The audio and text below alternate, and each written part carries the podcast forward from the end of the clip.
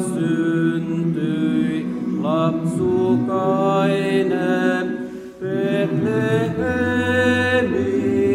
tallissa. Siitä ilo enkeleille tuli myöskin taivaassa. Tämä Yosna Bar.